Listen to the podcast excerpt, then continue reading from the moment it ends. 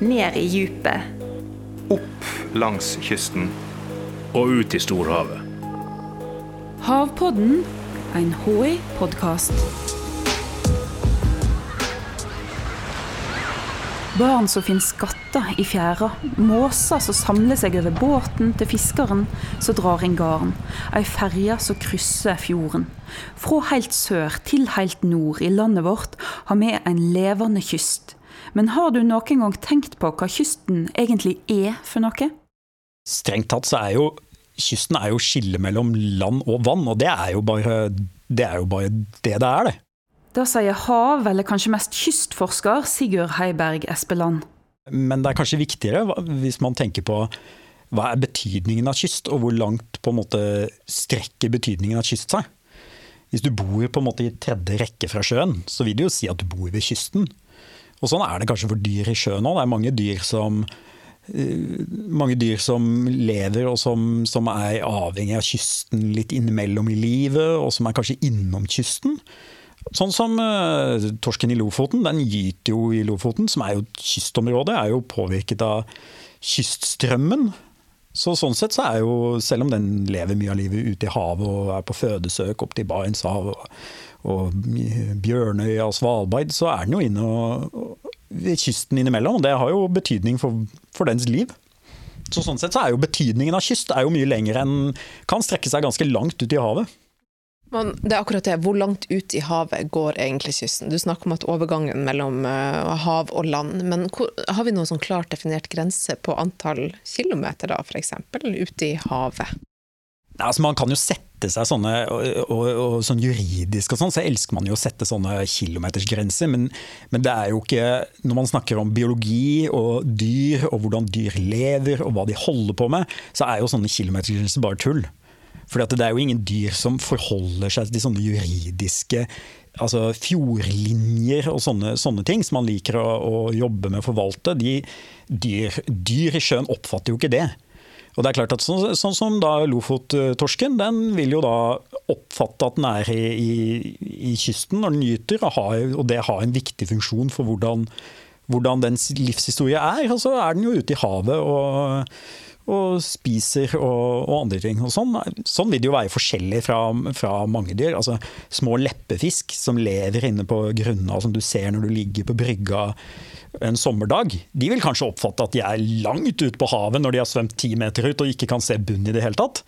Så det, sånne ting vil jo være forskjellig fra øyet som ser.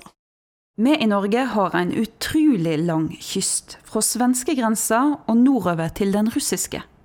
Det sier seg sjøl, den er ikke lik hele veien. Vi er jo et, eh, er jo et langstrakt land, eh, og det er ganske forskjell på kysten på Sørlandet og, og i Finnmark. Altså, eh, når man skal over fjorden i Finnmark, så risikerer man å, å, å dra like langt som fra Arendal til Kristiansand i, bare på en tur. Og det er klart at uh, så, Sånne ting påvirker også dyrene som lever i, inni, inni, dette området her. Og dyr som lever med mye, mye fjorder, mye hindringer, mye øyer de, de, beveger seg kanskje mindre. Det er derfor på en måte Vi har jo jobbet mye med sånn som torsk på Sørlandet, som svømmer veldig lite. Og kanskje er litt sånn som sørlendinger flest, at de trives så godt der de er, så de har ikke noe særlig grunn til å bevege seg. Mens, mens sånn som fisk som er ute i, i, Nordsjøen, hvor det er på en måte det er likt i alle retninger, beveger seg jo mye mer, da. Sånn at øh, Sånn at Dyrene som lever langs kysten, blir jo preget av den kysten vi har. Og, og på en måte Sørlandet beveger seg ganske lite. I, i, i eh, Finnmark så er fjordene større og kanskje litt mer bevegelse og litt, eh, litt mer ting som skjer. Vi mennesker er en sentral brikke i økosystemene langs norskekysten. For vi har mye vi vil drive på med her, og det er en kamp om plassen folk flest bor ikke så langt fra kysten. og Det betyr også at det er veldig mange som har interesse i kysten. Og, det er ikke bare det å, og da snakker man ikke bare det om å stå med stang og fiske og, eller dra ut og sette et garn, men det er alt mulig som skal skje i kysten. Vi skal ha, vi skal ha brygger, vi skal ha oppdrettsanlegg, vi skal uh, fyllinger, vi skal uh, mudre, vi skal, og vi skal sprenge bedre farled for båter som skal inn til havner. Uh, det er utrolig mye som foregår i kysten, både i, i stor og liten skala.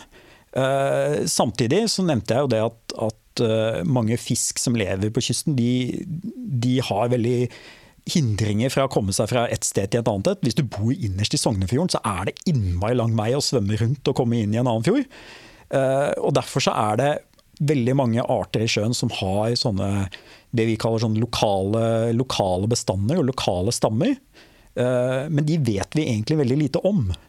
Og da kan du risikere at, at på en måte du kan risikere at det lever en egen stamme med fisk inni en fjord, som potensielt sett kan bli utryddet hvis vi, hvis vi, gjør noe galt i akkurat den fjorden. Og Det er det som er veldig vanskelig. fordi eh, det er samtidig store kunnskapshull, og så skjer det veldig mye på en gang som vi, som vi egentlig ikke har kontroll på. Og litt av problemet er jo også at, at uh, de store kommersielle verdiene i Norge, det man trekker ut fra havet, i hvert fall i tradisjonelt fiske, det har jo kommet fra havet. I mindre grad fra kysten. Og det er jo sånn at forskningen har blitt ofte styrt etter hva altså, hva er det vi har behov for å vite? Vi har behov for å vite hvor mange fisk vi kan ta ut av denne bestanden. Mens i kysten så er det veldig mange, mange altså, mye vi ikke vet. Altså paddetorsk er jo en art som man ikke fisker kommersielt på. Vi vet jo nesten ingenting om hvordan paddetorsken har det, men, men den er en del av et økosystem, og den, en, den, er, den har en, en, funksjon og en rolle, og den, den lever der. Eh, men, og det er mange andre sånne eksempler på arter, fisk, eh, som, som, vi, ikke, som vi vet veldig lite om. Og som, vi, som kanskje har har en viktig betydning, en viktig funksjon og en viktig rolle, og som vi kan gjøre skade på uten å vite det egentlig. Med alt som foregår, hva er egentlig status på helsa til norskekysten? Doktor Sigurd syns det er vanskelig å stille en presis diagnose.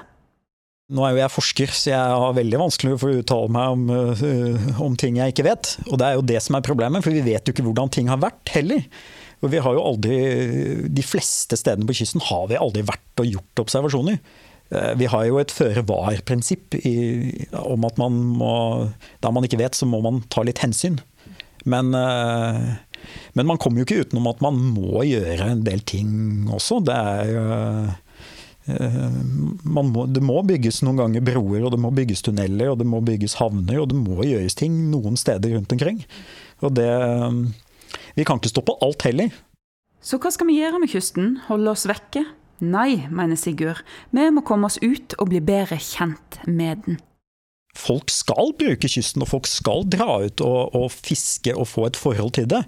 Fordi du kan ikke, du kan ikke forlange at folk skal eh, ta ansvar og bry seg om kysten hvis de ikke har noe, de ikke har noe forhold til det.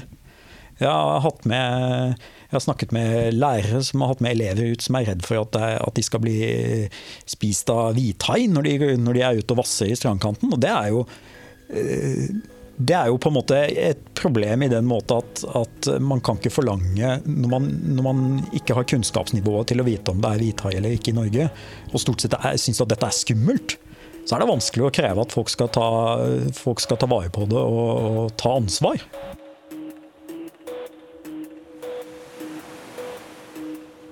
Havpodden er en podkast fra Havforskningsinstituttet. Denne episoden ble laga av Liv Eva Kirkesæter og meg, Stine Hommedal. Teknisk produksjon og lyddesign var det Febril Film som sto for. Og du, du hører snart igjen.